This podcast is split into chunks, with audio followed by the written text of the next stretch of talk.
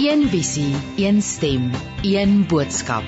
Radiokansel 657 AM en 729 Kaapse Kansel maak impak op lewens van Gauteng tot in die Kaap. Goeiemôre en baie welkom by Met Hart en Siel. Ek is Christine Ferreira en ons kuier saam tot 11:00 hier op Radio Kansel en Kaapse Kansel.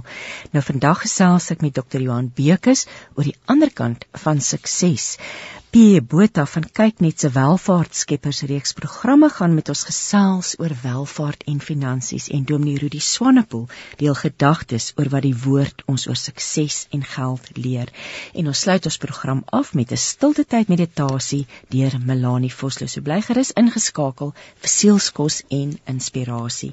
Nou ek wil graag vir ons lees uit Spreuke, Spreuke 17 en dit sê vanaf vers 1: Eerder met min klaarkom en gelukkig wees as om oorvloed te hê en heeltyd te baklei. Iemand wat niks het nie, kan deur harde werk baie bereik. Hy kan selfs 'n hoë pos beklee en belangrike besluite neem.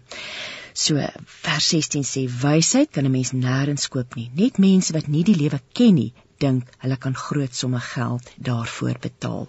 Hoor die woord en vernuwe jou lewe op 657 AM. 657 AM.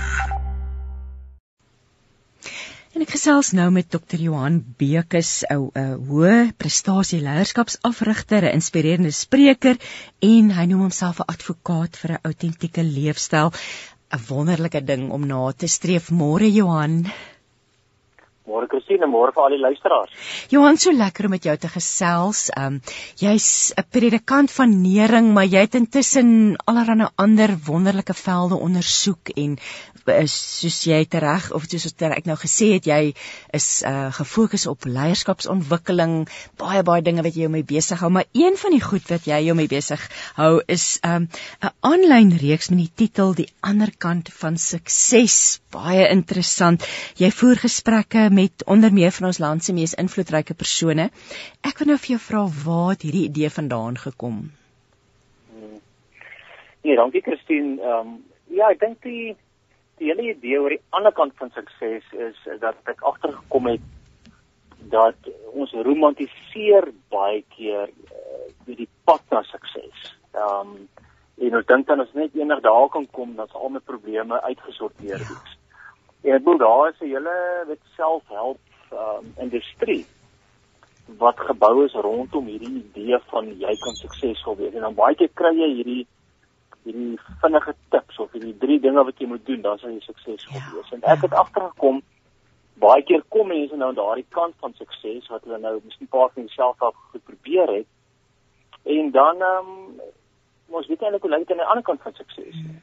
En ek het net geskiere geraak daaroor. En dan veral iemand wat op bestaan het gesê, "Johan, weet jy, as jy draai suksesvol is of as suksesvol gesien word, dan raak dit baie keer 'n alleen pad." Um, en ek wou sommer net gaan uitvind het hoe lyk dit aan die ander kant uh, van sukses. Weet jy ek hou van wat jy sê dat ons eintlik onder so 'n verkeerde indruk staan oor wat is sukses en dan hierdie kits resepte en saam met dit natuurlik kom groot teleurstelling. Die oomblik wat jy ja. nie dink jy is suksesvol nie. So dis dit dit dis 'n dis 'n tweestydende swaard Is 'n aanhaling van Ralph Waldo Emerson wat sê what is success? To laugh often and much. To win the respect of intelligent people and the affection of children. To earn the appreciation of honest critics and endure the betrayal of false friends. To appreciate the beauty. To find the best in others. To leave the world a bit better whether by a healthy child a garden patch or a redeemed social condition. To know even one life has breathed easier because you have lived this is to have succeeded. Hoe mooi is dit nie? So hmm, pragtig. Nee, vir, vir, ons as gelowiges en ek en jy gaan nou-nou daaroor gesels, maar ek wil nou eers by jou hoor oor die reeks. So jy het begin wonder maar hoe lyk dit en want want jy het met baie suksesvolle mense in jou lewe en jou loopbaan al te doen gehad nie waar nie. Ja. En ja, eh, hm? Nee, sê maar. ja. Nee, ja, soos ek dink dit is die daai nuuskierigheid. Hoe lyk dit aan die ander kant van sukses? Ek wil nou weet hierdie reeks gesprekke. Wat het jy gedink boonbehalwe om jou eie nuuskierigheid tevrede te stel? Wat het jy probeer? Wat probeer jy bereik hierdeur? Hmm, hmm. Weet jy ek wil ek wil 'n paar aannames getoets het. Ehm um, net een van die aannames is dat wanneer ek dan suksesvol is, dan sal ek byvoorbeeld nog geen probleme meer hê nie. Ja. Ek sal 100% van die tyd gelukkig wees. Ehm um, en ek sal dan eintlik eintlik sal dit dan niks meer hinker nie want ek dan nou alles bereik en alles gekry wat ek wou gehad het en en waarop ek gemik het en baie van hierdie aannames is is verkeerd bewys. Dit so so die een ding is 'n bietjie by aannames toets. Ek dink die ander kant Christine is dat ek het uh, weet soos dat ek gestap het ook op my eie geestelike pad. En vir my begin voel asof die kerk of dan 'n sekere gemeente is aan op denominasie sukkel met suksesvolle mense. Hmm. Weet ons is baie goed met mense wat sogenaamd kom ons sê net maar sukkel wat gebroken is. Nie dat ons een van ons ooit nie gebroken gaan wees nie, maar ja, ja. Maar as die kerk groei met dit, maar dan hierdie persoon wat nou ewe skielik um, in die wêreld so 'n sukses was, wat doen ons met die persoon? Baie keer wil die pastoor op die kant met hierdie persoon 'n beste vriende raak, want weet jy net wat om met die persoon te doen? Of baie keer soek ons sy geld, weet of of ander kere is ons gee hom net te werk om te doen, maar maar as ons nie weet wat om met hierdie persone te doen nie en en by my was daar ook dan nou weet hoe lyk dit aan die ander kant? Van sukses om ook te vind maar hoe kan mense ook hoe lekker geestelike pad dan ook byvoorbeeld aan die ander kant van sukses. Um en ek dink daar's baie mense wat praat van van eerste helfte van die lewe kerk en tweede helfte van die lewe kerk. En dit het met daai ding te doen van op pad na sukses doen ons goed met mense en dit is baie baie gemeentes waar waarvan ek weet.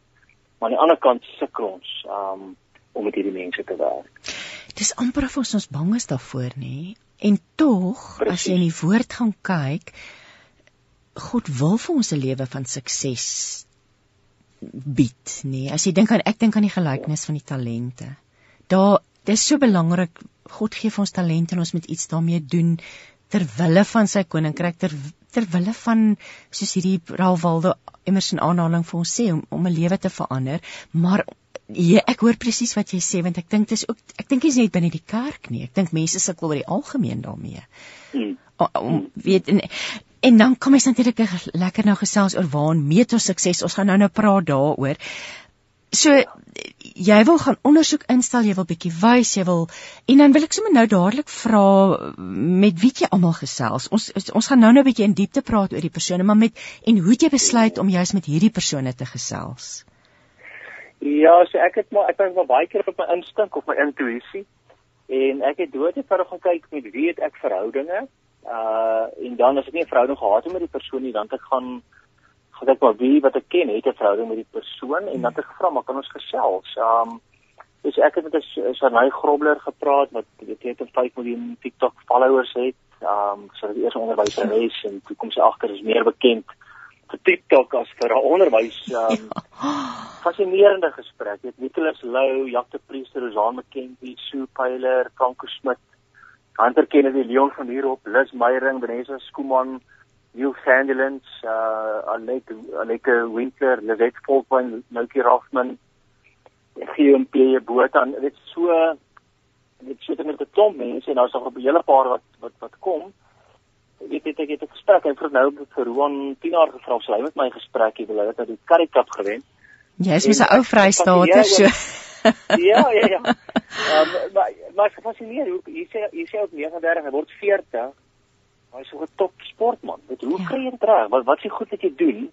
En ek weet hy's ook al met hy's ook uh, iemand wat Jesus volg en, en hoe lyk dit? Hoe werk dit? So ja, ja ek sien baie uit om met hom op te gesels en ons sal 'n paar ander mense dit uh waar waar net tog uitsien. So die reeks is beskikbaar aanlyn en ek neem aan ja. jy gaan volhou daarmee, jy gaan voort daarmee. Daar is al 'n redelike klomp om na te kyk en te luister. Ja. Um, so dis vir jou 'n ja. ding wat aangaan.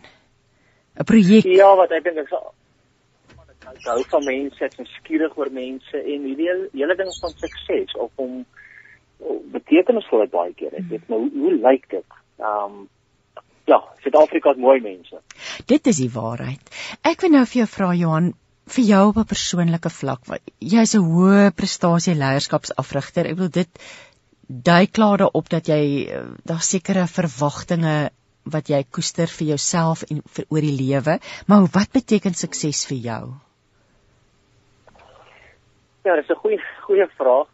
Ehm um, ek probeer wegbly van 'n weet van 'n een sin definisie. Hmm. So ek so ek dink my konstruk in my kop is dat uh, ons ek voel suksesvol, ek voel sterk wanneer ek die ervaring het dat ek word meer en meer Johan. Hmm. Weet jy, daar iets ja. van my becoming uh weet wie ek is. En aan die ander kant wanneer ek voel ek, ek is met dinge besig waarna ek goed is en waarna ek sterk voel. Um ons albei ken nou weet vir Trevor Hudson goed. Ja. Um en hy daai kan daai storie van ag hy het altyd wanneer hy kom net luister. Hmm. Dis mos in 'n travel So, weet as jy by hom sit en jy hoor dan sien jy maar die ou het, hy kan luister. Ja. En ek dink dit vir my, dis ons daai twee besighede wat die Here vir my gegee het as ek dit net meer van dit ook kan doen. So word meer Johan. Maar ek ek doen ook meer uh, van die dinge wat in my hand is en en en dan soms is dit goed van buitekant af wat jy nou kan kan meet aan. Jy weet so uh, ek hou daarvan om my my op vakansie te gaan. So as ek dan 'n paar rand ekstra het en ek kan dit ook doen nadat ek alles betaal het en of iemand iets gegee het, dis my lekker so te sê. Dit vergeet dit nie sukses. Ek sê weer as 'n paar goed wanneer ek voel ek is my fundamentele beste. Dan ehm um, dan voel ek suksesvol. En ek dink dan ook die ander ding wat ek geleer het Christine is dat uh, met sukses op die idee van die fundamentele beste, dit ontwikkel ook gegee jou lewensfase. Ja weet jy ek nog nie kinders gehad het, ek wou ek net weet ek wat die beste leierskapsafrigter wees wat daar is. Maar nou is dit ook nou het ons kinders en ek wil ook 'n goeie man wees my vrou, wil 'n goeie pa wees en dit soos ek dink wat ek gevind in my my definisie van sukses ontwikkel ook en dit verbreed en dit verdiep. Um en ja, so, so ek dink die soos ek nou so kinderlike terme gebruik dan is sukses vir my gelyk aan dit wat my help met my ego sterkte. Ehm um, so wanneer ek kan opdaag en sê hier is ek. Hmm. Besig om meer en meer die regte Johan te word. Hier is ek en ek het iets om by te voeg in jou lewe deur die enigste twee goed wat ek kan doen. Jo, en so vorm ons almal deel van die legkaart nê, nee, van hierdie wêreld. Ja as ons ons deel doen en ons doen ons beste. Ek hou van wat jy sê want dit is so belangrik om te kyk na die lewensfase. I mean, en natuurlik moet ons gedurig weet kyk wat is ons doelwitte? Waar waar waarin wil ons suksesvol wees? Nou as dit nie aanpas nie, groei ons nie. Ja.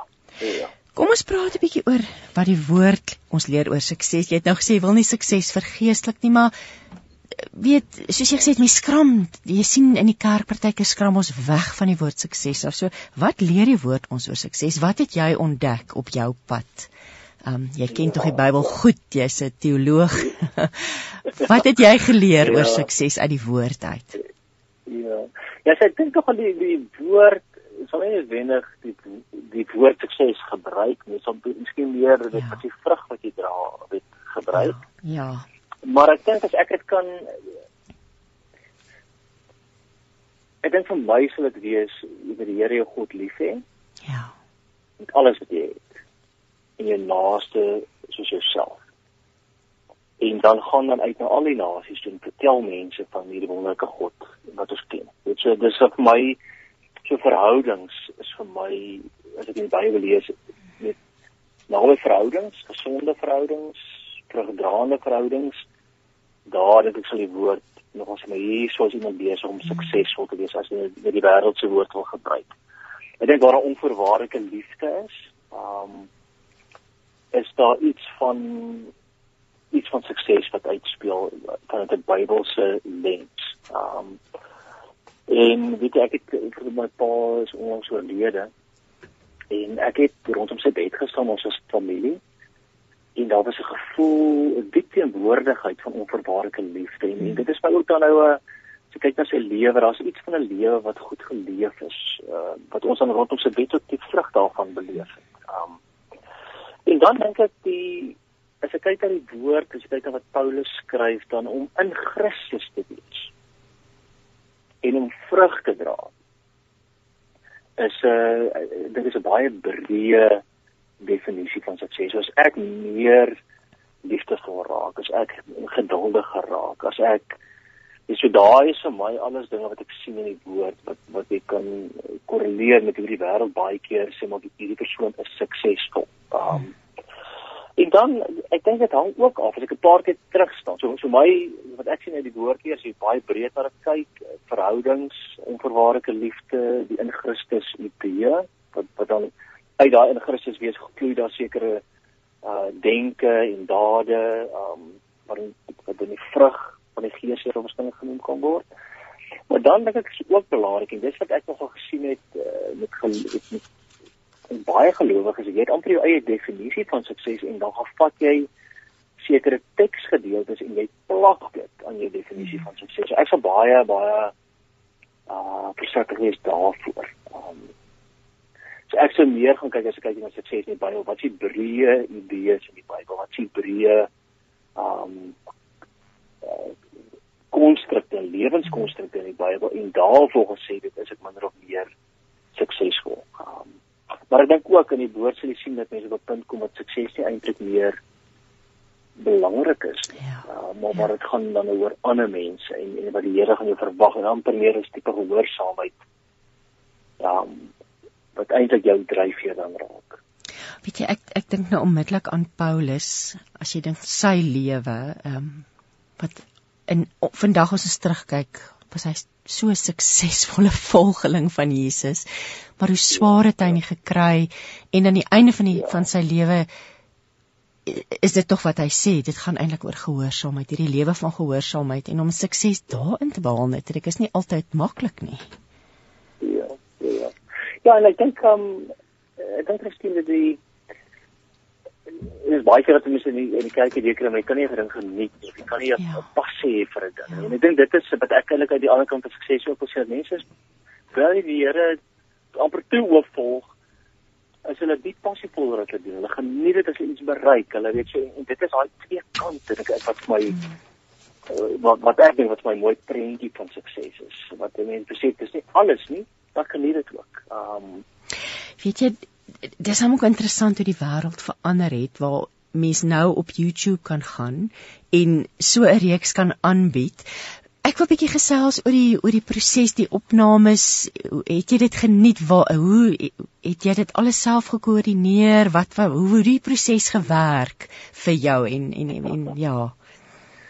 Ek dink ek um, ek het so maklik as moontlik probeer maak. my my eerste opsie sou wees dat ek regtig by iemand in die huis gaan sit.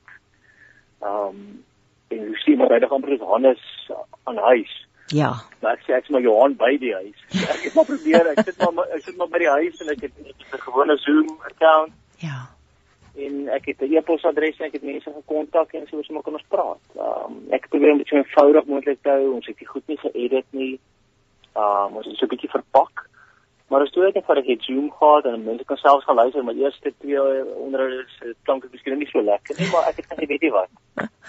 Ek wil op 'n rou eerlike manier ja, ja. met mense gesels en dit gaan eintlik oor die vrae wat ek vra meer as ehm um, met hoe dit nou lyk en so en ja, so ek dink dit is vir my is, is gemaklik, dis gesprek en ek het al weggestap daar presies, maar dis vir my verskriklik lekker en ek ek skyn geïnspireer. Deur hierdie uh, ander ek hoor hart, die woord hart kom vir my net uit. Ehm um, dis met hart gedoen. Ja. Ehm um, en daai weer eens nou so terug by autentiek leef, maar voordat ons nou ek het 'n hele paar vrae, maar ek wil nou eers bietjie verder gesels oor die persone met wie jy gesels het, want ja. jy jy het nou vir ons verskeie name genoem en nou wil ek nou bietjie by jou hoor vertel vir ons so ietsie van wat hulle gesê dalk 'n lusmakertjie. Um, um ja, ja. wat ja. goed dat momente wat vir jou uitgestaan het gedagtes wat wat jy wat jou ja. bybly. Ja.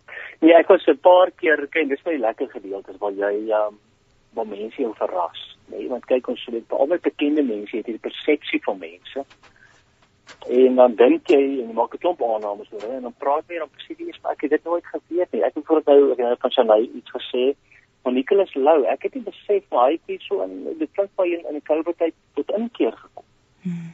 en as jy hoor hoe hy sê hy uit letterlike lewe amper voor en na COVID en hoe hy nou met die Here volg en sê hy so iets in sy lewe het verander dit was vir my hmm. fascinerend dit Jacques Priester wat sê hy het altyd 'n suksesvolle um, sanger wees, maar nou gaan dit hy wil ook 'n goeie pa wees. Um, dit uh, Franco Smit, die uh, die, die ou is nou aangewys sy JRC uh rugby afgelope van die jaar.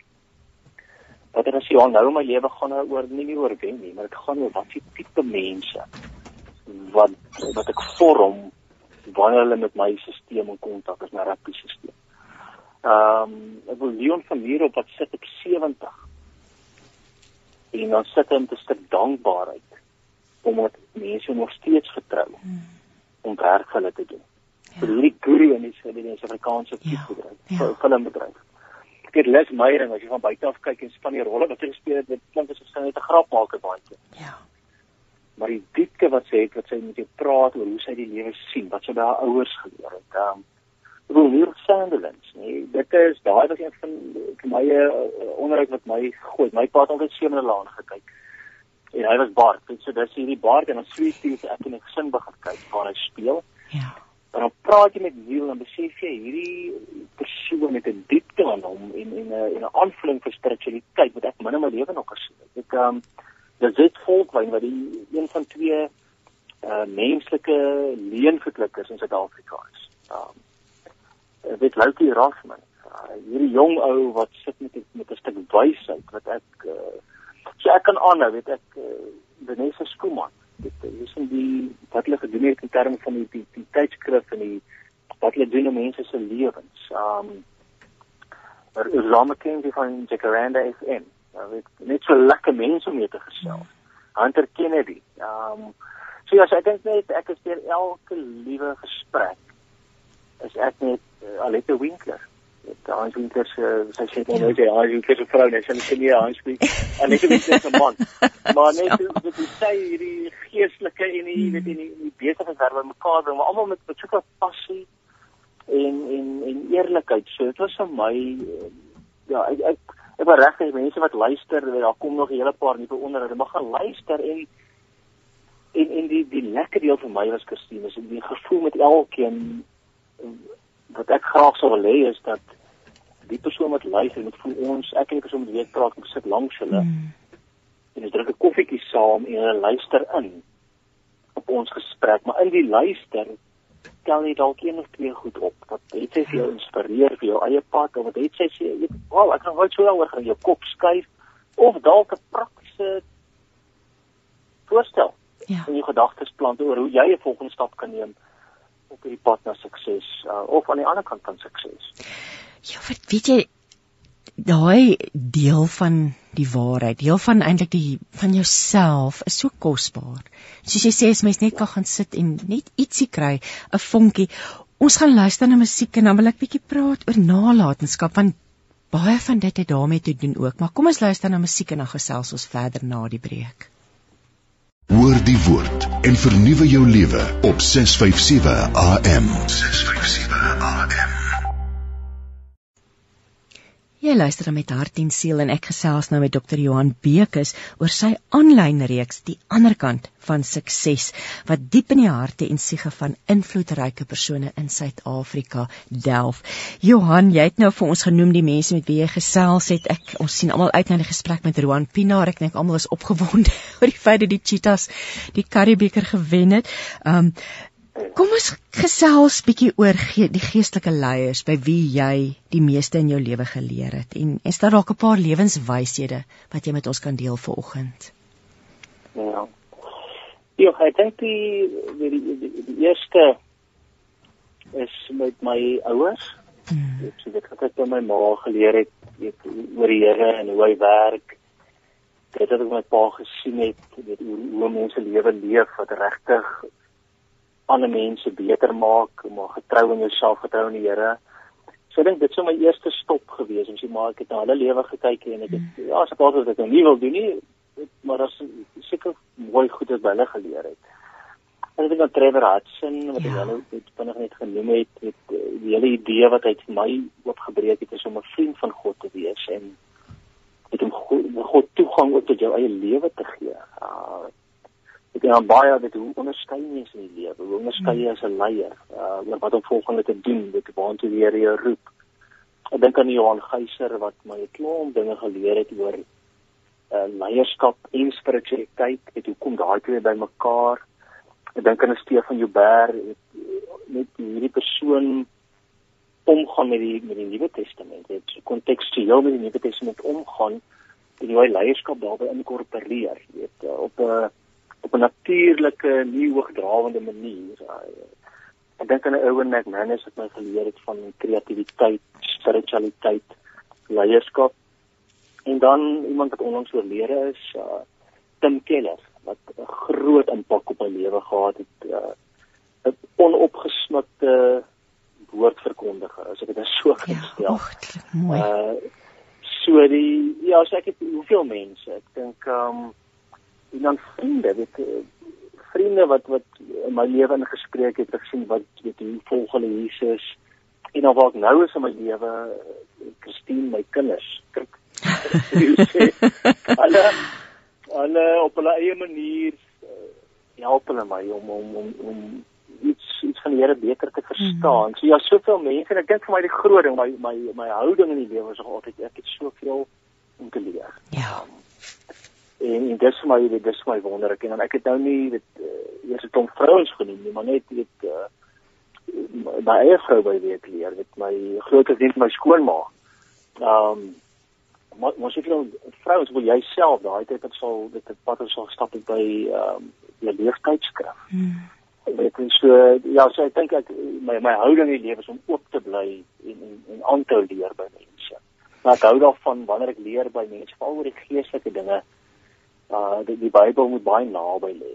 Uh dit so dis nie nie te ver van die Bybel af wees nie. Jo, Johan, ek kom my gedagtes op, dink jy moet hierdie goed alles in 'n boek sit.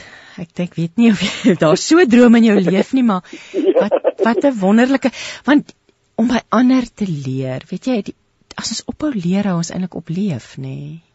Ja.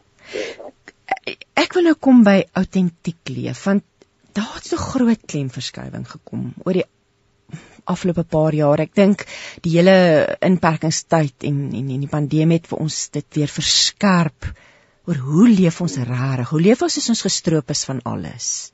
En jy is net by die huis met jou mense en so kom ons praat oor autentiek leef en vir ons as gelowiges ook. Mense wil graag soos jy sê die boom moet nooit te ver wees nie. Ons wil graag altyd hierdie invalshoek van ons geloof ook by bybring. Maar wat beteken dit vir jou om autentiek te leef? Ja.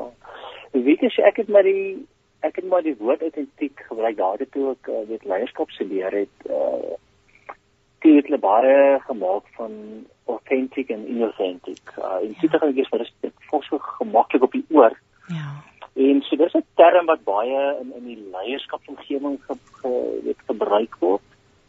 In die sielkundeomgewing so baie kry ego dit uh en om met 'n masker te leef persona, dit jy sal daai woorde kry in die sielkundeomgewing. En dan in 'n geestelike omgewing hou ek tog maar daarvan om om van die die ware en die vals self te praat. Dit Ja. lê dan nog so Ja. bietjie dieper as die autentieke ehm um, idee. En ek dink hier is vir my die hier is my die kern dit wanneer ek hieroor gesels um, van 'n gelowige oogpunt. Ek dink baie gelowiges dink dat die punt van die geloofspad agter Jesus aan is om meer geestelik te word. Die probleem is as jy meer geestelik word, beteken dit per implikasie dat wanneer jy dan in groepe in beweeg, vra dit eintlik van jou om al hoe meer maskers te dra, veral gelowige groepe. Ja. Want nie alles word verwelkom daarin. Dit so jy moet nou bietjie meer geestelik lyk as die persoon langs jou, bietjie beter bid, Mm. bietjie beter dit doen. Ehm um, terwyl ek dink as as ek as ek kom ons volg Jesus dan joh, Jesus het vir my hy was God en mens. Hy is nie net 'n voorbeeld, hy is my meer as 'n voorbeeld. Hy is plaas, plaas vervangend in my plek. My lewe gevat sodat ek kan lewe. Op my plek gaan staan sodat ek kan lewe, Ja. maar wanneer ek hom waarlik volg, dan gaan ek aan die einde van die dag meer mens word, nie net meer geestelik nie. En dit aan die einde van die dag dink ek as ek meer mens word, dan gaan dit meer autentiek wees. Hmm. Ja. En dis nie 'n die wesheid die wesheid wie jy wil nie, word dan wie jy is. Ja. Um, en, en dit is vir my die kern van hierdie idee van 'n autentieke leefstyl. En dan wanneer jy dit, dit inbring met die konteks van aan die ander kant van sukses, dan kan dit wees dat as jy agter Jesus aanstap, kan jy in die wêreld se oë meer suksesvol, ag minder suksesvol wees. Terwyl jy meer jouself word en terwyl jy meer dat hy deur jou doen wat gedoen moet word.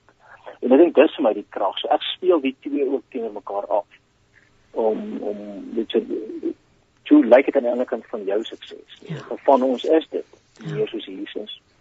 En vir ander van ons is dit dalk net iets heeltemal anders, wat op op grond van wie Jesus volg of nie. Jo, Johan, baie diep goed om oor na te dink, nê. Nee. Want Jesus was net hierdie ongelooflike voorbeeld in sy lewenswandel op die aarde en soos jy sê eintlik heeltemal teen die orde van die dag in. Ehm um, Ja. So, joh. En dis wat en dit is wat ons maar na moet streef. Maar die masker ja, dra ja. hy nê, die masker. Waar sou die, die waar dink jy kom dit vandaan dat ons voel ons moet iets wees wat ons nie is nie, dat ons weet met ja. wat wat ja. lê diep in ons wese wat wat dit wat dit so wil maak. Ja. Ek ek dink pas mens net net neurologies aan kyk, so ek moet sê dit gaan daaroor dat jy wil jy wil maar veilig voel. Ja. Um, so wanneer jy in 'n traai is of in 'n groep is waar jy veilig voel, en baie keer wil jy waardig voel. Um, en, en en ek dink dit gaan maar daaroor dat almal van watter groepering van mense jy by is, dat jy ja. Baie keer die boodskappe kry maar dit ook nou op te gee is nie goed genoeg nie. Op ek as ek so op te gaan gaan ek nie veilig wees. Weet en dan begin jy dinge te doen en eintlik maar persona te ontwikkel wat eintlik deur 'n persoonlikheid kom wat dan vir binne daardie groepering maak dit jy kan funksioneer op 'n veilige manier en op 'n waardige manier met 'n groepering van mense. Ja, so ek sê nie ou moet glad nie 'n masker dra nie. Ek dink ons almal eh, weet jy wat ook al openbare oë so baie keer kom jy by plek jy moet praat vir mense jy en jou man of jy en jou vrou dalk gou 'n bietjie onder ons hier gaan dit dood normaal is om net 'n huwelik te kry. Ja. En dan moet jy maar onbillik om nou met almal ongeskik te wees om jy en jou vrou ja. lekker voel nie. So dan sit jy maar tog iets van 'n masker op as ek 'n persoon was sodat jy kan ja. uh, dit tot voordeel van die mense ja. rondom jou. My skoonsis baie keer dat daai baie keer raak 'n masker daai persoon is so dik dat mense jou nie meer kan raak sien nie. Nee, my dan sit jy met 'n uitdaging. Nee, hoorie, my skoonsis sal altyd sê trek ek nou moet jy jou gesig reg trek. So dis hy. kom eintlik dalk neer. Maar Johan, ja. kom ons ja. praat oor teleurstelling want sukses kom nie maklik nie. Ek is seker jy het dit uit hierdie gesprekke uit oor en oor gesien en beleef. Maar dit gaan ook dikwels gepaard met 'n leerstelling. Maar nou wil ek vir jou vra, wat staan in die pad van sukses? Wat het jy ontdek? Wat is die dinge wat mense keer of verhinder om suksesvol te wees? Ja. Weet jy, ek het nogal interessant afgekom, daar is baie keer mense wat verknog is aan die idee van sukses. Jy weet ek dan gesê as jy het nog eens 'n idee van sukses baie keer wil mense glad nie hard werk daarvoor. So is amper hierdie fantasie van ek het sukses wil hê, alles wil ek dit maar jy wil nie werk daarvoor nie. So dit staan baie keer mense se uh, dit se pad. Uh ek dink die ander ding is wanneer mense se identiteit en waarde aan sukses gekoppel is. Dan ek het baie keer gesien dat mense dan net tot op 'n punt kom en amper daar vashak uh en hulle kan nie hulle kan nie aanhou suksesvol wees en hulle haak iewers te vas hoeveel mense wat ek al mee gepraat het, wanneer jy by ouer huis kom, sê die oom van 80, jy vertel jy nog steeds van daai jare toe hy mm. in skool uh eerste span gespeel het. So sy kop het en sukses, dit was sy definisie van dis sy identiteit, dis wie hy is, hoe hy sy mm. is. En ek dink dit is baie keer wat in die pad staan van volhoubare sukses. En weet jy wat die ander ding dit ons praat ons sê baie keer van praat ons van teleurstelling maar my Christine ek dink uh op die gelowige pad is teleurstelling vir my baie keer met lyding te doen. Hmm. So wanneer mense nie lyding kan verwerk nie, wanneer mense nie lyding kan in dit gaan sit saam met die Here nie, dan dan dan ook jy pas. Dan moet jy op jy ouens met mense raak baie keer bitter of hulle is um Engels um resentment wat begin intree, uh jy begin 'n brok te mense dra en of jy verloor net heeltemal die belangstelling in die lewe. Net so so jy moet 'n manier kry om om lyding te kan verwerk en daarmee saam te leef. Nie eers baie keer deur te werk, maar baie keer net te kan saamleef. En dan net die laaste ding uh wat wat in pas van sukses staan volhoubare sukses is dat die sukses van mense kom by tyd dat hulle nie kan definieer maar wat is volgende nie. Hmm. Dit is hulle moeilik wat hoe lyk die volgende? Hulle amper daai onderskeiding, hulle kan nie onderskei dit hoe lyk die volgende ding wat ek moet doen nie of ander kere ehm um, ek sê met die Afrikaans met die complacency. Ja. van hulle gaan nou rus op hulle lauwere. En en dit dit hou baie mense terug wat ou leef op 80 en ehm um, ek kan nie nog toe in 1902 weet nie meer Suid-Afrika was. Dit ja. is nou waar sy lewe vasgehou. Ja. En en dit is ek dit jy kan een keer suksesvol wees of sukses smaak om volhoubaar suksesvol te wees. Dink ek moet 'n mens na hierdie goed kyk van jy word nog sit in die idee van sukses, identiteit en waarde aan sukses gekoppel. Hoe verwerk jy lyding of teleurstelling en wat is volgende en en hoe as dit klaar by louere? Dis moet daardie met daai dinge aandag gee. Jo, weet jy dit wat jy nou oor lyding gesê het is eintlik ongelooflik kosbaar want ons vermy, ons wil lyding eintlik vermy. Maar as jy dink harde werk, dissipline, die dinge wat ek is seker dit het sterk na vore gekom terwyl jy met al die mense gesels het. Dit het hulle ja. onder begin ook dikwels nê? En ja. deurgedruk vasgebyt. En en natuurlik en ek hou van wat jy sê wat moet ek volgende doen? Want jy kan ook nie by vassteek daar waar jy nou is nie nê?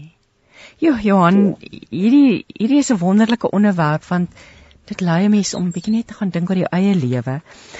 En ek dink onmiddellik aan ek ek beleef iets van die jonger mense wat hulle wil soek kit sukses. Hulle wil dit sommer nou hê, hulle dat daar 'n bietjie van 'n ongeduld is of is ek verkeerd? Ja, ek dink die ek dink die skryding net baie vinniger. Dit kom ons ja. vat 'n uh, voorbeeld. Dit ons het nou 'n kleintjie in ons huis wat nou daar's 'n belangstelling van die ander geslag. En ehm um, en sy het nou nie haar eie foon nie. Dit ja. is 'n mafgons foon gebruik om daai boodskap hoef twee te stuur. Maar ek wil net met 'n WhatsApp gesprek, nee, so die gesprek wat gevoer word in 'n aand en dis so skerp dat daar's 'n tyd, kom ons sê 20 minute om te praat. Ek wil daai gesprek wat daar gevoer word is gelyk aan toe ek jonger was 4 maande se gesprek met 'n briefie gehad, jy weet jy. Ja. Iemand anders het geoplewer en dan hopelik lees hulle dan kry jy dalk twee dae terug, twee later, dit is terug. So dit het soveel langer gevat om byvoorbeeld ja. aan 'n suksesvolle verhouding te bou. Ja. En en ek dink ons leef met daai illusie en miskien daai idee van sukses, so dit nog tyd daaraan wat maak ons wat moet dit môre kry. Ja. Um so yes, ek sê dink daar is miskien 'n ongeduldigheid, maar ook dalk 'n illusie waarmee geleef word van um wat sukses is. Ja. Dit lyk en daar's iets staan Christine om om om ek wil iets gebeur in jou. Hmm. En wanneer jy deur iets moet werk, wanneer jy moet wanneer jy moet suffer vir iets en en, en ek dink dit is hoekom ek sê my idee van sukses het te doen met becoming and doing. En en ek wil ek het my grobler gepraat. Ek sê die baie vinnig super suksesvol geword, nê, nee, op 'n jong ouderdom. So sy sy het sukses ding gedoen. Sy becoming, dit is so cool oordadig. Ja. Sy moet kyk na uitbranding en sy noem dit op die weet op die onderhoud. En ek dink daai ding is hoekom die jong mense sukkel. So jy ehm um, en ek dink as jy ouer ou mense weet is sonde ook verstaan jy weet net te vinnig te veel. Want ja. jy het tog nie die kapasiteit daarvoor jy nog nie die ego sterkte vir dit. Ja. Ja. En en daarom is is altyd die goed hardloop saam. Ehm um, so ja. Dit is uh mm. 'n interessante pad. Dis dit dit en wat jy nou sê maak soveel sin nê binne die konteks van hoe hoe hoe daar geleef word. Soos ter afsluiting, um 'n boodskap dalk aan iemand wat wat nou sit en luister en dink, "Ag, oh, ek my deurbraak kom net nie. Dit voel of ek net nie sukses behaal in my lewe nie." Wat sal jy vir daai persoon sê? Weet jy maar ek sê ek hou jou idee van sukses baie lig vas, maar ek sou glad nie op sukses fokus nie. Ja. Ek sou gesê weet jy man wat het wat het ek nodig om meer myself te word? En wanneer jy na die vrug van die gees kyk dan het weet as meer myself word dan sit ek gaan nog ek gaan geduldiger word ek gaan meer selfbeheersing hê ek gaan meer liefde hê ek gaan meer goedhartigheid hê. En in dit word ek meer myself. So watter tipe lewe of ruimte moet ek skep in my lewe sodat ek meer dit kan word? En wat 'n ruimte moet ek skep in my lewe dat ek meer kan doen die dinge waarin ek goed is. As jy die Bybel kyk, praat met gawes van die Gees. Ja. Maar daai nie eers 'n geestelike raai, kan net sê wat sê goed wanneer ek goed is, as ek net kan luister of as ek net kan hmm. skep 'n ruimte sodat jy meer jouself kan word en meer kan doen dit wanneer jy reeds goed is. En dan presies net ek het meer as een keer gesien. Um dat iets so sukses 'n byproduk is. Um so en en en dit is belangrik. So as jy vir my geval wat ek 'n goeie leierskapsafrikker word. Dit was my meer 'n mikpunt as 'n merker van sukses. Ja. Die tipe leierskapsafrikker wat ek is, is ek geduldig, is ek gesê ek self Mm. beheers. Ek Ja, is meer ja. Johan. Bring my stemtafel toe. Nou nou is ek suksesvol as 'n leierskapsafrikker. En ek dink ek sou daai sou sukses, die idee van sukses baie lig pas. Word jy is wanneer jy reeds jy doen meer van die dinge wanneer jy reeds goed is. En dit kan um, want aan die einde van die dag dink ek ek sien die ding as jy dit het. Dan sien ek met baie executives waarmee ek werk ook. Dan is die vreugde Mm. loop oor. En, Ja. en dit is wat Jesus sê Ja. aan aan julle vreugde sê hulle geken word. Ag, Ja, wat 'n carrière, wat 'n huis Nee. is lê. Weer is baie belangrik. Dit is nie asseblief nie, ek hou van die mooi goed in die lewe. ja, maar Maar nee, jy vandag jy al daai goed en ek kan nie vreugde nie. Ek dink dit sou vir my sjoe. so iemand luister, ek hoop hoop dit beteken iets. Dit beteken baie. Ek dink dit is absoluut wonderlik jy se geken word in jou vreugde. Johan, waar kan luisteraars meer te wete kom en na die gesprekke kyk en luister? Waar waar gaan soek hulle? Presies, ek kan maar gaan kyk op uh, johanbekes.com. So dit kan wees dat iemand in die besigheidswêreld aan my luister, jy sal iets daar kry of 'n geestelike leier, jy sal ook daar kry by webwerf. Ehm um, so dan ek op Instagram, ook op Facebook, is op LinkedIn en dan eh, as jy gaan kyk op op YouTube uh, of Google maar net ander kant van sukses Johan Bekes en dan sal jy inligting daar ook kry. Ja. Die wonder van Google, nê. Nee. Ons hoef net ietsie Ja. in te tik dan. Johan, baie dankie vir jou tyd, vir jou tyd vandag. Dit was regtig insiggewend om met jou te gesels en jo, ek wil nou nie sê ek wens jou alle sukses toe nie. Dit klink 'n bietjie maar ag mag hierdie tot seën van baie mense wees en um, en mense inspireer om om hulle eie autentieke self te wees. So nogmaals dankie. Ek wil net herhaal terwyl van ons luisteraars so as jy intik ander kant van sukses gaan dit gaan al die inligting nodige inligting opkom andersins gaan kyk by johanbekes.com. Dis nie dokter nie, is dit net Johan Bekes Johan? Nee. Ja, Net Jo- johanbekes.com. Ja, johanbekes.com. Ek dink alles wat jy wil weet sal daar wees. Johan seën vir jou en nogmaals dankie vir die heerlike gesprek saam met jou vanoggend. Dag sy. Totsiens dankie Johan. aan al die luisteraars. Lekker dag verder. Goed gehoor. Baie Hoor die woord en vernuwe jou lewe op 657 AM. 657 AM. Jy luister met hart en siel en ek het nou die voorreg om te gesels met P Botha. Um P is 'n gesertifiseerde finansiële beplanner, 'n direkteur by Bouwest uh Wealth Management. Hy's 'n aanbieder en 'n mede-vervaardiger van Kyknet se welvaartskippers reeks, skrywer, 'n potgooi aanbieder en 'n realis noem hy homself en Hy en Geo het pas 'n boek geskryf, Word ryk, bly ryk, hoe om welvaart te skep en te bestuur. Dit word uitgegee deur Lapa. Ek dink die boek is nie pas geskryf nie, die boek is pas uitgegee ehm um, deur Lapa. Môre P. Goeiemôre. So lekker om vanoggend met jou te kan gesels. Ek wil amper sê in lewende lywe, maar maar nie heeltemal nie. P, jo, jy's 'n bedrywige persoon. Ek ek wil eintlik vir jou vra sommer voor al die ander goed, hoe kry jy dit reg om al hierdie balle in die lug te hou? nee, ek um, seker goeie tydsbestuur. Nee, ehm nee, sodra mens gesê seker goed is jou belangrik, dan maak mens tyd daarvoor. So ons het ge, tyd uitgesit om spesifiek die boek te skryf en ook dan ehm um, die TV-reeks te maak, maar mense sien dit ook deel van werk en ook om terug te gee. En natuurlik tyd maak vir jou vrou en jou twee kinders en golf te speel en dit klink vir my reis is vir jou heerlik, veral na afgeleë plekke, so 'n Ja, besig. kinders vereis daarom dat daar tyd gevat word vir hulle. So daar word dan genoeg vir hulle gegee. word. Hoorie, maar ek hou baie van wat jy sê oor tydsbestuur. Jy het dit nou so liggies daar aan die begin gesê, maar dit is dit is ontsettend belangrik nê as 'n mens wil sukses bereik, as jy wil jou lewe in plek kry en al hierdie dinge doen. Ek wil nou sommer vir jou vra P, as 'n gelowige sakeman, em ek sit 'n afkapteken of 'n of 'n skuinstreepie welvaartskepper, wil ek nou vir jou vra, kom ons begin sommer net heeltemal daar. Wat sê die woord vir ons oor geld? En dan hoe pas 'n mens hierdie geloofsbeginsels toe in jou soeke na 'n voorspoedige en geseënde lewe op materiële vlak. Want die boek se titel sê vir ons word ryk, bly ryk, hoe om welvaart te skep en te bestuur, maar binne die konteks van ons geloof, wat wat beteken ja, dit vir jou?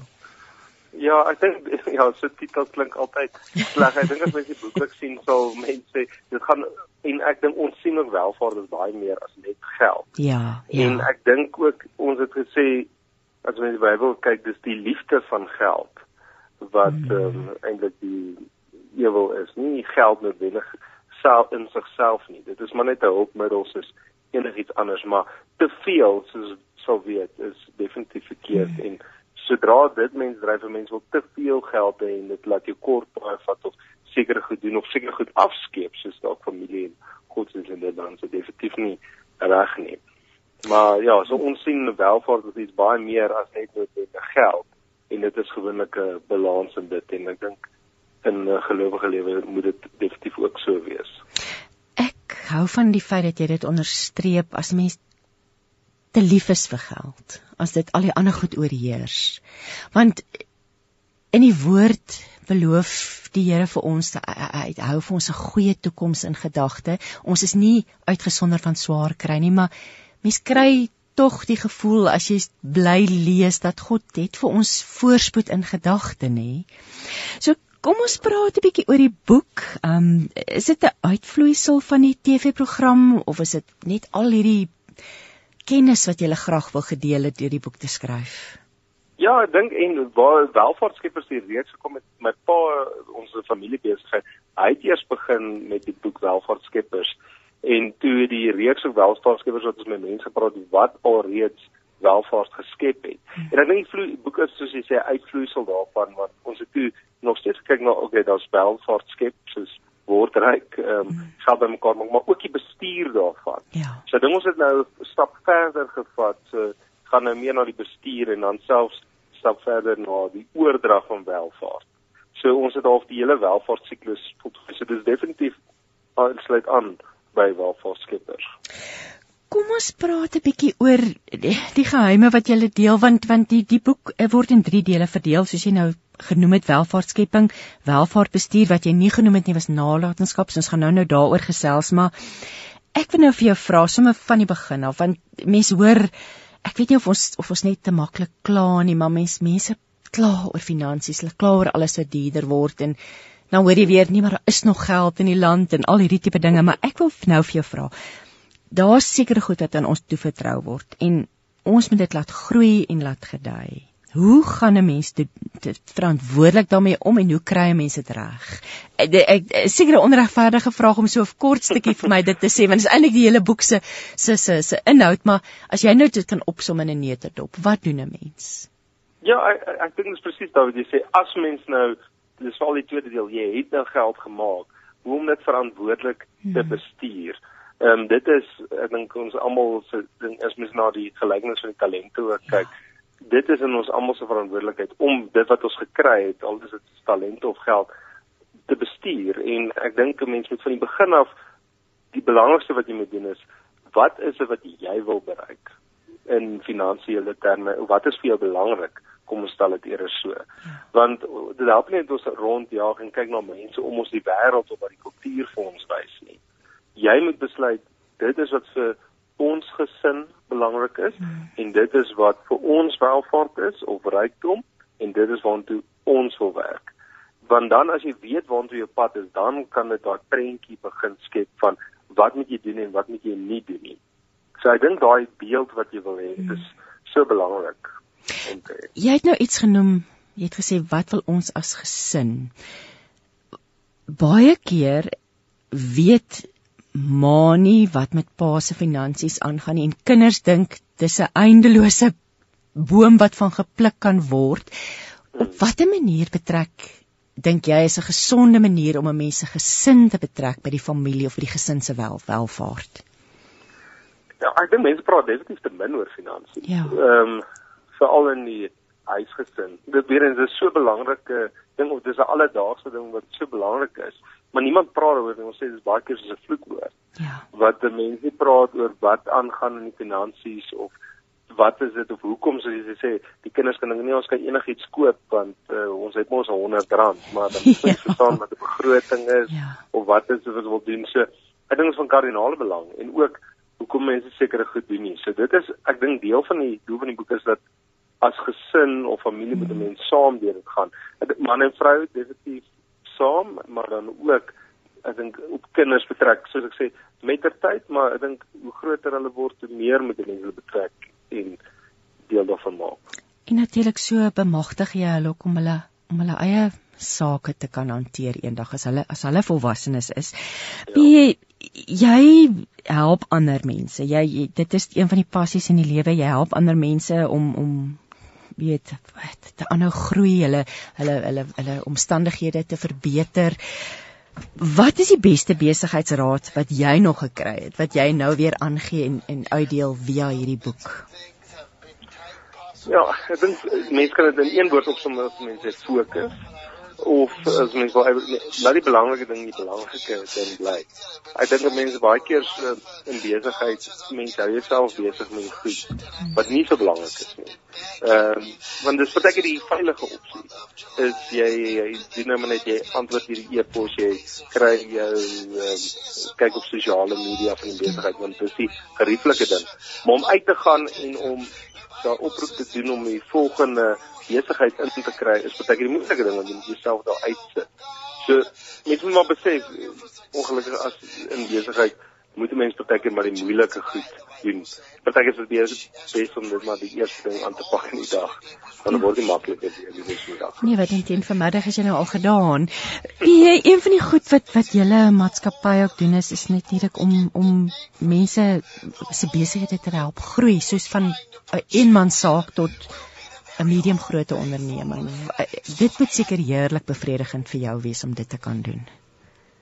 Ja, en ek dink wat lekker is soos ek sê, elke persoon is anders party, soos sê is 'n werknemer of is 'n eenman saak of ek dink as jy die talente weer eens het om dit verder te vat wat jy dit kan groei en werk kan skep vir ander, is dit baie bevredigend, bevredigend om dit te sien ook. En ek dink party ons land veral kort meer sulke mense om te gaan en verder te gaan. Maar dit is 'n proses wat daai deur gaan en ek dink almal word nie so gebore nie, maar dis definitief iets wat jy kan aanleer, maar ja, dis lekker om dit ook te sien gebeur. En dit hou weer verband vir my met die gelykenis van die talente waarheen jy waarna jy vroeër hmm. verwys het, nê. In my onderhoud met Johan Bekes het hy gesê hy het ag begin agterkom dat vir al die kerk skram weg van die woord sukses. Hulle is bang vir suksesvolle mense. Hulle of nie bang nie, hulle weet nie altyd hoe om dit te hanteer nie. Dink jy dieselfde persepsies bestaan rondom welvaart dat ons afskrikkerig daarvoor is? Ja, ek dink dis definitief en uh, dit daar's soos jy sê welvaart of 'n mens is bang. Ek dink mense baie keer geleef veral uit 'n Christelike oogpunt mag nie welvaart hê of die ryk man kom moeilik in die hemel. Ja, en ek dink dit is weer ja. daai afhanklikheid jy's onafhanklik van God wat 'n mens nie wil hê nie. Ja. Ehm um, jy moet besef hierdie talente weer eens wat ek gekry het, is dankse God en ek gaan dit gebruik ten goeie van hom. Dan moet 'n mens dit juis gebruik. So ek dink mense is baie keer skrikkerig daarvoor soos welvaart of sukses want dan voel jy skuldig amper. Hoekom is ek suksesvol en ander nie? Of Ja. dit? Maar solank die fokus ek dink reg is en 'n mens wil net besef jy het daai talente gegee, dis iets van hoe of net net jouself. Kom ons gesels weer verder oor die boek want julle verdeel die boek in 3 dele. Daar's welvaartskepping met 'n klomp hoofstukke, welvaartbestuur, dieselfde en dan nalatenskap. Vertel so 'n bietjie meer vir vir 'n luisteraar wat dalk belangstel oor wat word in hierdie boek gesê. Vertel vir ons so 'n bietjie meer. Ja, so ek dink as ons net op die derde plek ons het fokus 'n bietjie op die aftrede of welvaart geniet ook. O, dit klink fantasties. Ja. Want help jy net jy jy virus en dit en dan kan mense dit nie geniet nie. So ek dink mense is bietjie en dan fokus mense definitief op aftrede en weer eens mense moet mooi dink dat dit wat jy wil hê op aftrede. So weer eens dit gaan deur daai welvaart siklus. So waar ook al jy in die siklus is of as jy verandering toe jy mm. amper na aftrede toe dan is iets wat jy moet leef en dan natuurlik aan die einde nalatenskap is nou as jy dit wil oordra na die volgende generasie toe. Ehm um, dis wat ek sê dit gaan deur al daai verskillende stappe en probeer ons dit op 'n uh, eenvoudige manier verduidelik, maar ook ons praktiese vrae gesit aan die einde wat 'n mens oor tyd wil deurwerk. Jy wil nie net van begin tot einde lees en nie die praktiese stappe volg nie. So ek dink dit is wat ons ehm um, definitief deur wil bereik en laat mense net dink oor waar is hulle in die welvaart en wat is die doelwitte wat hulle wil bereik. En natuurlik die belangrikheid van beplanning en daar's soveel aspekte te, te te veel om nou op te noem. Julle sê ons vermoëns en seëninge kom van die Vader af. Ehm um, kom ons gesels oor genade en dankbaarheid. Askies, ehm um, herhaal dit weer daar daar voor in die boek of agter in die boek waar jy erkenning gee, sê jy onder meer ons vermoëns en seëninge kom van die Vader af. So dis 'n wonderlike erkenning wat jy daar gee van waar dit vandaan kom. So ek wil nou vir jou vra genade en dankbaarheid. Wat beteken dit vir jou binne die konteks van waarmee jy besig is? Ja, ek dink dit is definitief wat die mens as jy besef alles wat jy kry is genade. Ja. Jy het sekere weer talente, maar ook die posisie waarin jy geplaas is. Jou ouers kon jou universiteit toe stuur, jou ouers ja. kon vir jou 'n gelukkige huishouding gee.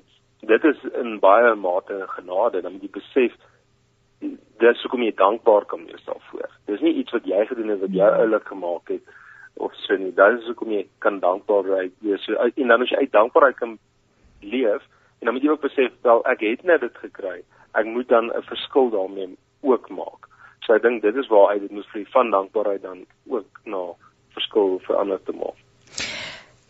Ek gaan weer terug na eintlik welvaartskepping toe want julle sê dis belangrik om geleenthede raak te sien. Ons ons as ons die na die nuus luister hoor ons hoë werkloosheidssyfers. Ons ons hoor slegte ekonomie, rand wat swakker word.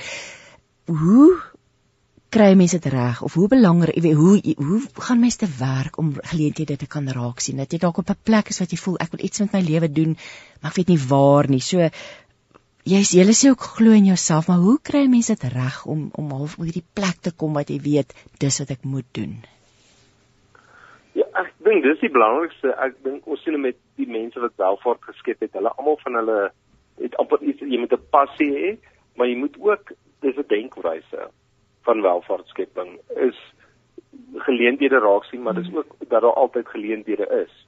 Ek dink 'n mens kom baie keer by mense wat negatief is en wat net heeltyd kan kla ja. en so en dit is dan moeilik om uit dit uit 'n verskil te maak. So ek dink die eerste stap wat jy gaan moet doen is om jou denkwyse te verander.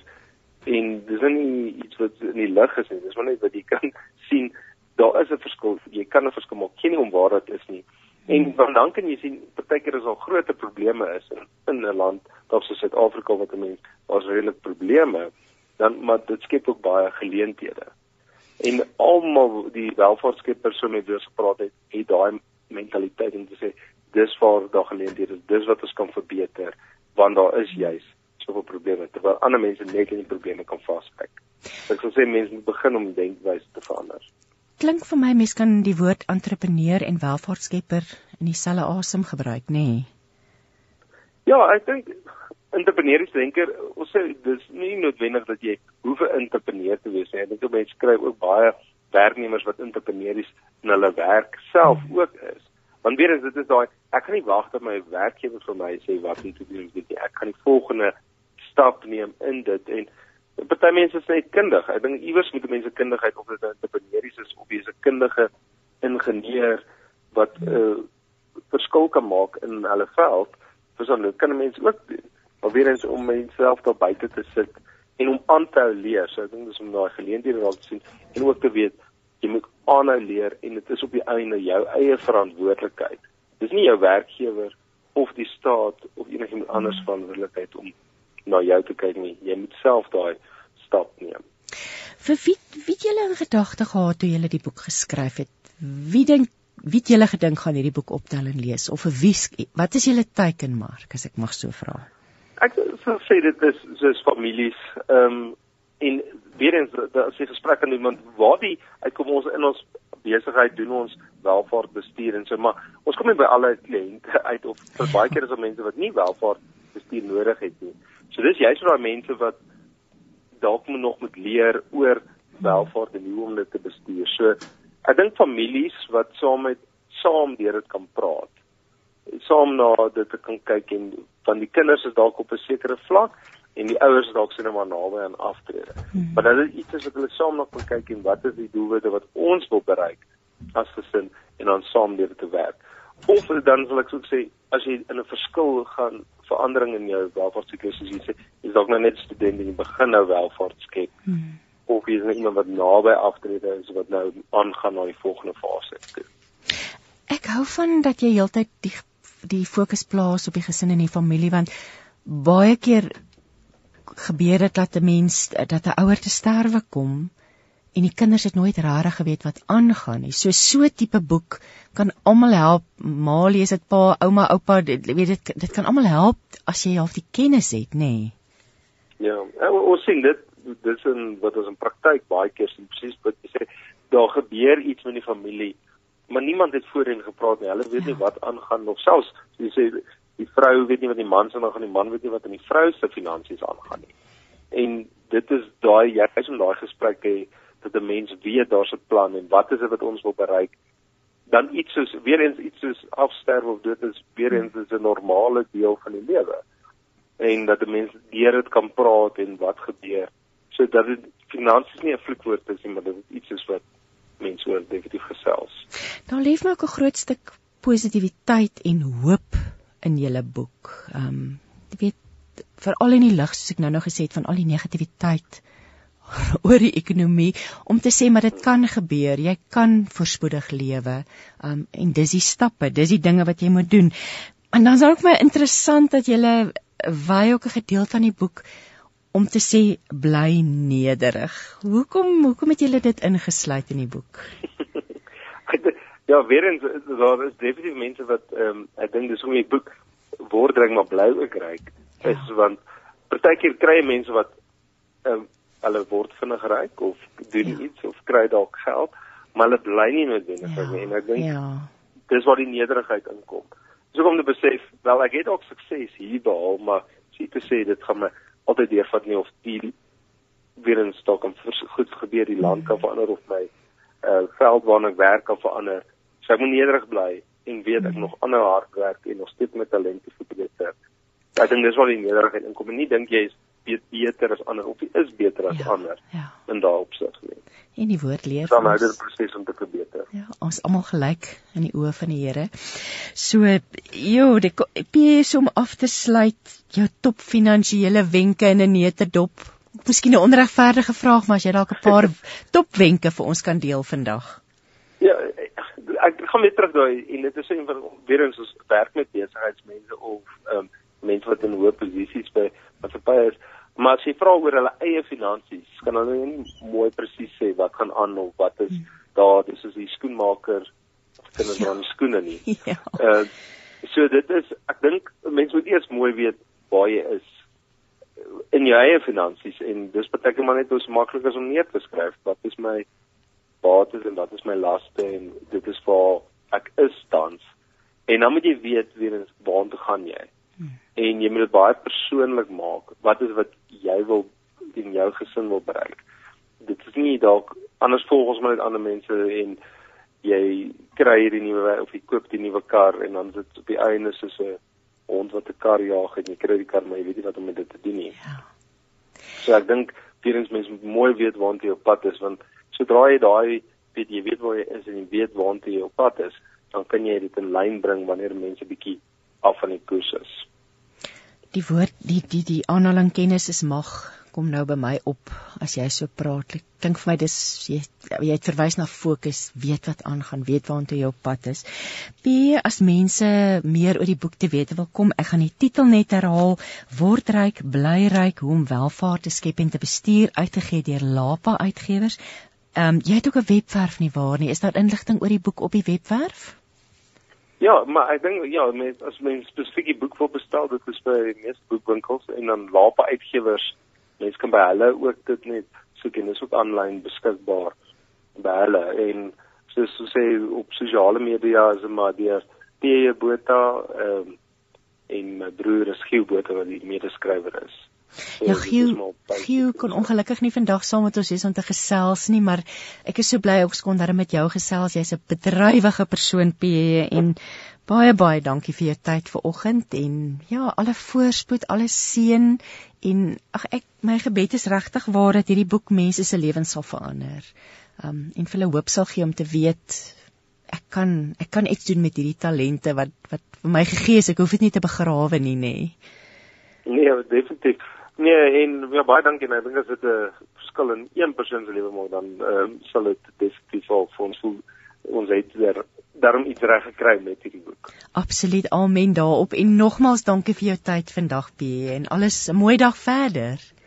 Dis reg. Baie dankie. Totsiens. Totsiens. Hoor die woord en vernuwe jou lewe op 657 AM. 657 AM. Jy luister dan met hart en siel. Ek's Christine Ferreira en nou het ek die voorreg om te gesels met Dominee Rudi Swanepoel um, van die Andrew Murray gemeente in Johannesburg. Môre Rudi.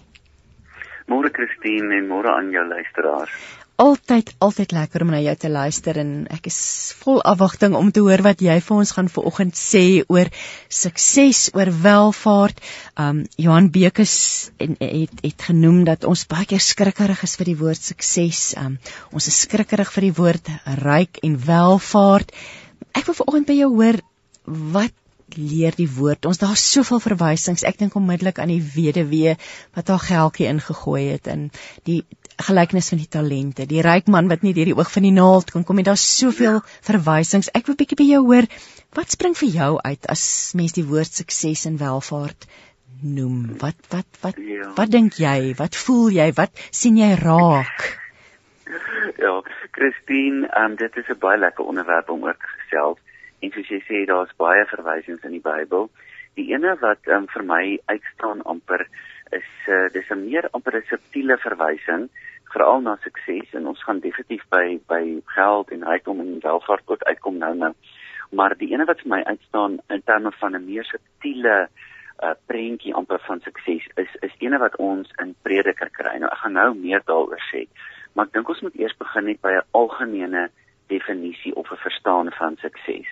En ek dink in meeste mense se koppe as hulle die woord hoor, as hulle die woord sukses hoor, dan dink mens onmiddellik aan um groot goed wat mens kan bereik. Jy weet, ek dink ja, ons dink ja. aan roem of ons dink aan invloed of ons dink aan um prominensie. Ons dink aan sigbaarheid. Ons is baie baie geneig om uh, suksesvolle mense te identifiseer op grond van jy weet wat hulle wat hulle bereik het en wat hulle kan wys, tasbaar kan wys as die sê as die hande werk of die uitvloeisel van hulle hande werk of hulle beroep of hulle posisie. En ek dink dit is ek ek wil nie sê daar's enigiets verkeerd daarmee nie, maar die Bybel bring definitief 'n ander perspektief ook na vore. En ek dink dit is waaroor ons volgende gesels. So as mens dink aan Prediker, dan is die groot fokus of daar's 'n hele projek op sigself in Prediker en die projek is om te vra wat maak die lewe goed? Ja. Wat maak die lewe sinvol? En jy kan nou klaar hoor hoekom ek na Prediker toe gaan, nie waar nie? Ja, Want ons is geneig om te dink as 'n mens suksesvol is, dan is die lewe sinvol en goed en lekker en mooi en gerieflik en wat ook al. Maar Prediker sit 'n baie spesifieke lens daarop. Nou wat is daai lens? So so die projek in Prediker is om die vraag te probeer beantwoord wat maak mens gelukkig? Wat bring bevrediging? Wat is die sin van die lewe? En dan word daar 'n klomp goed genoem wat ons nou ek vir ons dis nou nie hierdie gesprek is nou nie oor jy weet 'n um, tegniese Ou Testament detail oor Salomo en wat wie ook al saam met hom in sy skool van wysheid gewerk of geskryf het nie maar dan word in Prediker word um, iemand so Salomo word voorgehou as iemand wat op die oog af al die sukses in die wêreld bereik en behaal het. Daar daar word gesê in Prediker, jy weet, ek het um ek het groot uh goed aangepak en ek het dit uh getackle en ek het dit afgehandel. Ek het gebou en ek het ek het geskep en dit het my nie gelukkig gemaak ja, nie. Ja. En dan weet ons almal die ander onderliggende temas, daar's twee ander groot sterk onderliggende temas in in Prediker is die van liefde of seks en die een van ehm um, van wysheid, nê. Nee. En dan is die is die verwysing ook in Prediker dat ook nie daar 'n mens bevrediging kan vind nie. Jy jy kan soek en soek en soek, maar dit gaan nie vir jou noodwendig 'n suksesvolle lewe gee nie. Dit gaan dalk op die oog af lyk asof jy 'n suksesvolle lewe het. Ek bedoel, wie wil nou nie jy weet 'n liefdeslewe hê wat blom en floreer nie. Jy weet almal van ons droom daarvan om groot projekte aan te pak en dit af te handel en iets uh, jy weet kan wys wat waarop ons naam kan staan. Ek dink nou net daar kan nou iewers staan. Jy weet die die Jan Kokemoer saal, dan is dit mos nou 'n groot ja. uh, nalatenskap wat ja. mense jou nageslagte kan los. So dit is die dis die gedagtes rondom sukses wat in ons koppe is. Dan sê prediker selfs al het jy dit gedoen, selfs al het jy dit bereik, selfs al het jy al hierdie goed om te wys, gaan dit jou nie noodwendig suksesvol maak nie. Maar dan staan dan staan weer eens so in die tussen die lyne in Prediker is daar seker verwysings na na na dit wat voor ons is, die dit wat op ons bord is, dit wat op ons tafel is en die persone by ons. En dan is is die uitnodiging amper om sukses te sien ehm um, deur die lens van waardering om te kan kyk na wat ek het en te sê dit wat ek het en die persone saam met wie ek is, hulle is goed. Ek kan hulle geselskap waardeer.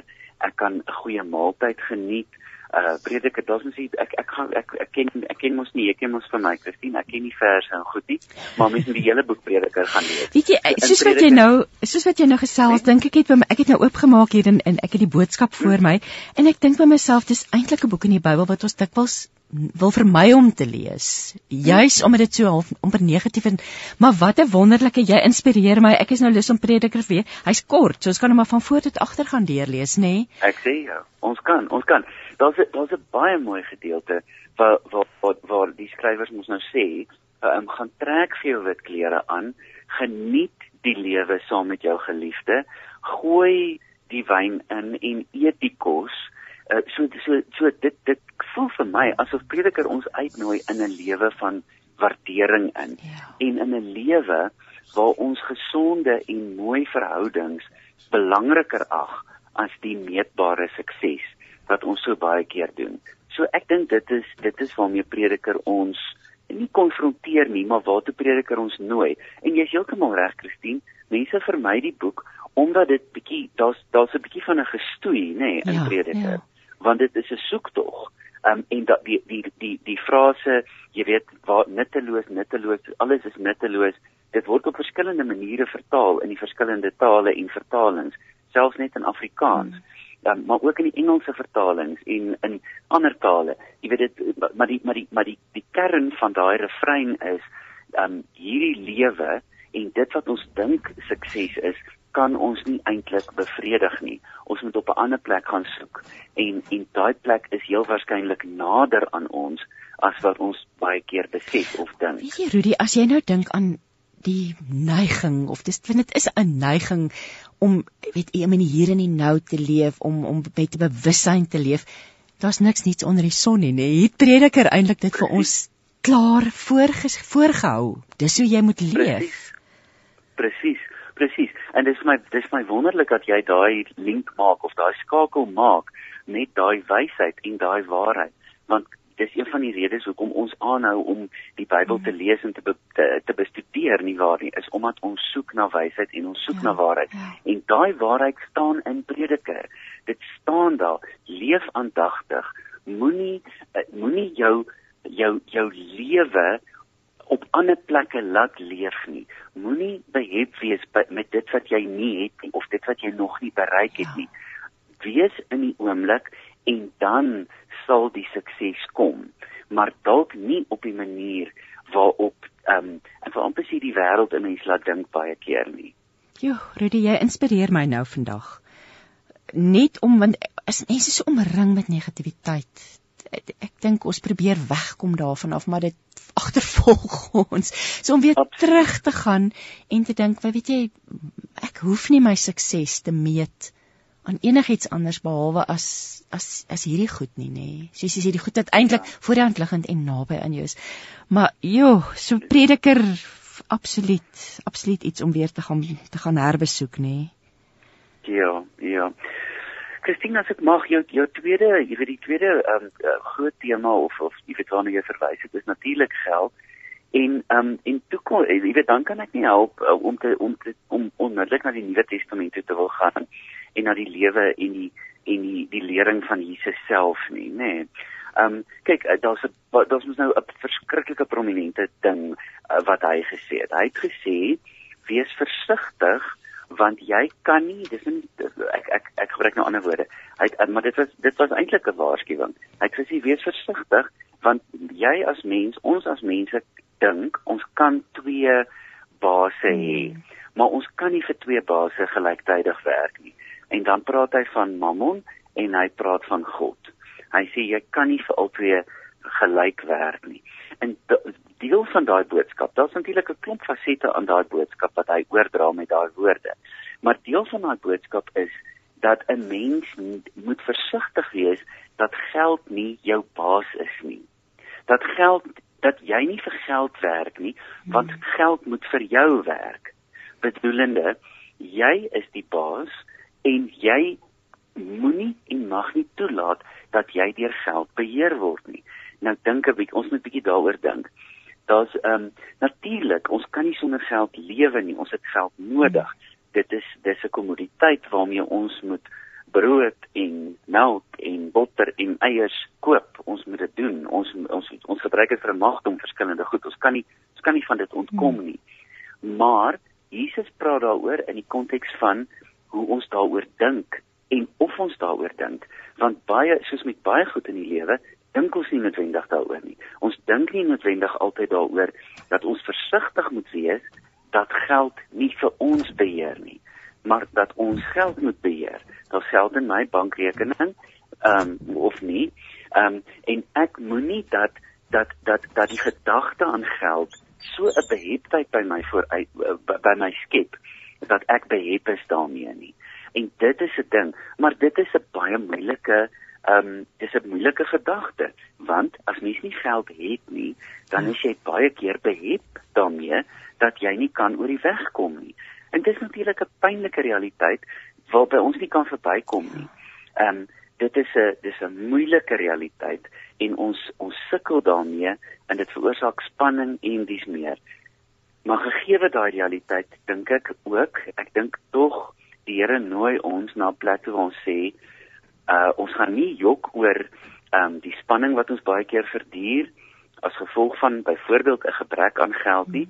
Um maar ons moet onthou dat geld nie ons baas mag en moet wees nie. Die interessante ding natuurlik is dat as 'n mens 'n tekort aan geld het, dan dink jy baie ja. keer, "Sjoe, my lewe sou soveel makliker en beter gewees het as ek 'n oorvloed geld gehad het." En dit daar's definitief 'n element van waarheid heel waarskynlik in. Maar ons moet nie die fout maak om te dink dat mense wat geld het nie probleme het nie. Ehm um, iemand sê nou die dag vir my, jy weet, uh ons moet net dit was 'n algemene gesprek. Dit was glad nie 'n spesifieke gesprek nie. Ja. Maar dit was 'n algemene gesprek oor geld en die persoon merk toe op dat persone wat wat baie geld het, baie keer baie stres beleef juis omdat hulle hulle welvaart of hulle rykdom ten alle koste wil beskerm. Nou weer eens, dit sê vir my dat dat eh, mens moet versigtig wees dat jy nie so behep is met die baie geld wat jy het dat dit jou baas is nie. So vir my is dit 'n interessante ding dat aan beide ente van die spektrum van baie geld hê of nie genoeg geld hê nie, kan 'n mens behep wees daarmee.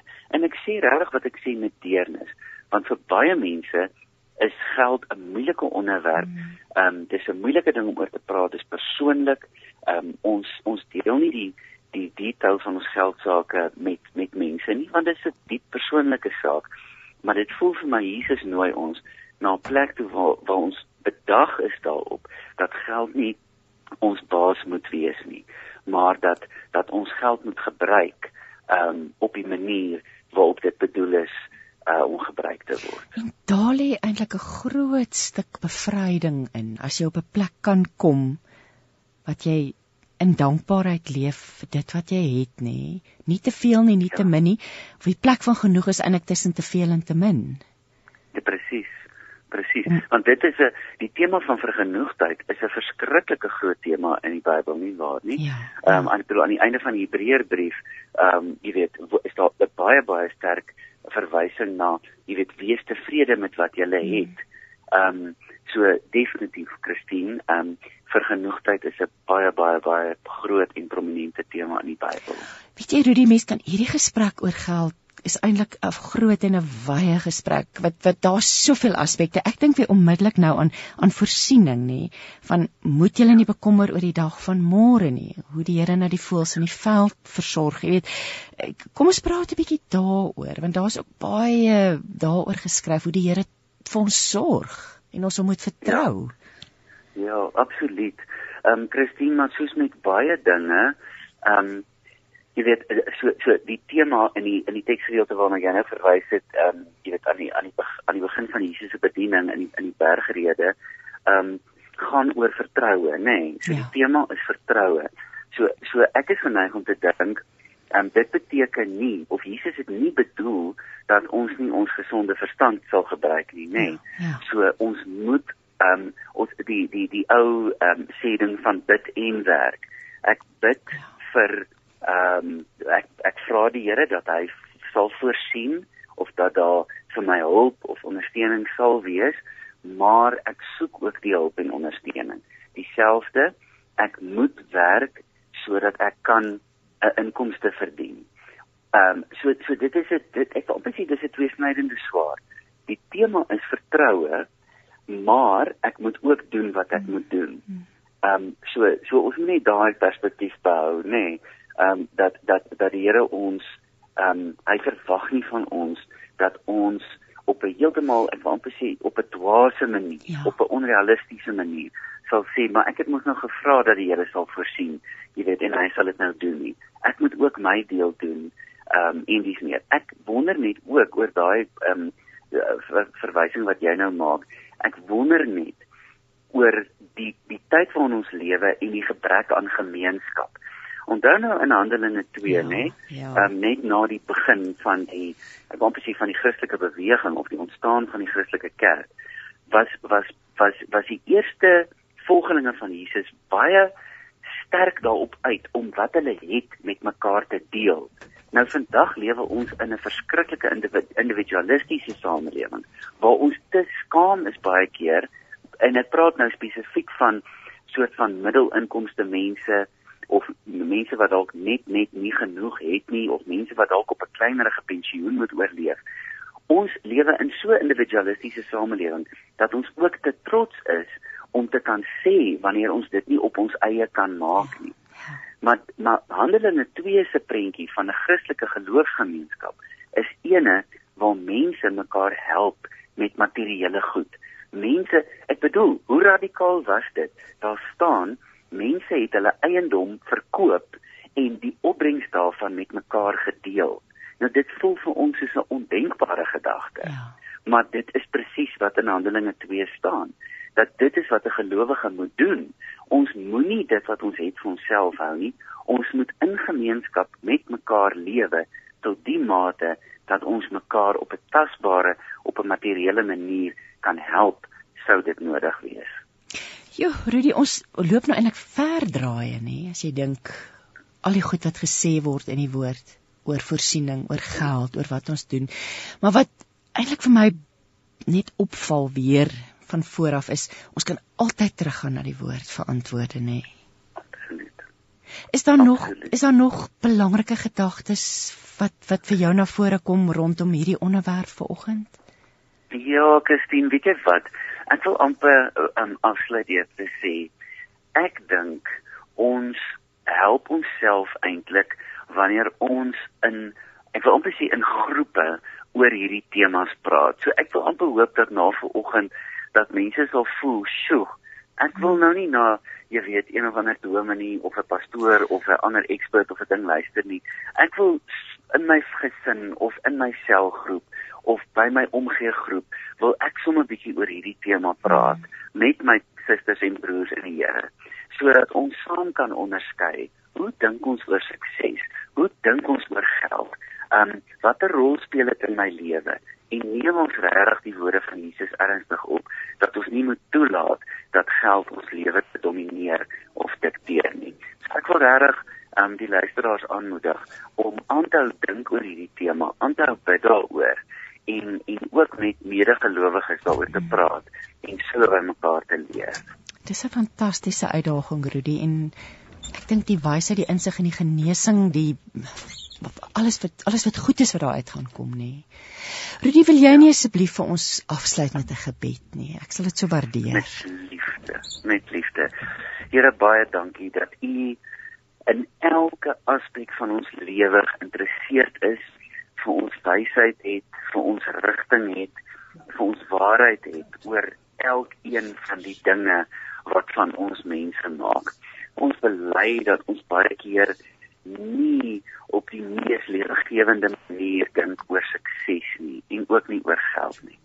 Um ons ons het beperkte gedagtes daaroor en baie keer um dink ons nie en glo ons nie die regte goed as dit by hierdie twee groot temas kom. Dan vra ons dat U deur die Gees ons sal help om op 'n gebalanseerde manier, op 'n gesonde manier, op 'n manier wat lewe bring, sal dink oor sukses, oor geld, oor ons verhouding daarmee. Here, ons lê ons ambisie voor U. Ons lê ons beplanning voor U. As ons nog werk, dan lê ons ons begrotings voor U neer en ons vra vir leiding en vir rigting en vir verantwoordelikheid. En ons maak ons ons ons maak onsself beskikbaar om verantwoordelik te wees met dit wat U aan ons toevertrou. Here, help ons om mekaar te help help ons om nood raak te sien, help ons om met 'n oop hand te lewe, help ons om te onthou en te verstaan dat daar 'n voortdurende vloei van dinge is. Dat as ons gee, dan ontvang ons ook.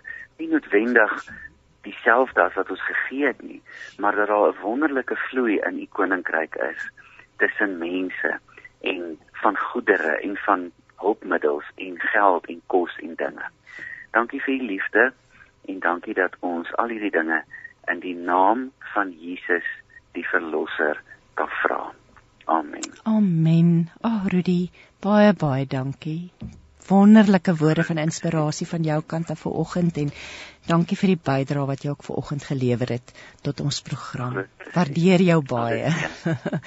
tot volgende keer. Dankie Rudy. Totsiens. Tata. Hoor die woord en vernuwe jou lewe op 657 AM. 657 AM. Ons het aan die einde gekom van nog 'n program en ek wil afsluit en totsiens sê voordat ons nou luister na 'n stilte tyd meditasie deur Melanie Vosloo. Mag jou week geseënd wees en mag jy die teenwoordigheid en die voorsiening van die Here in alle aspekte in jou lewe beleef. Tot volgende week dan. Totsiens. Hoor die woord en vernuwe jou lewe op 657 AM. 657 AM.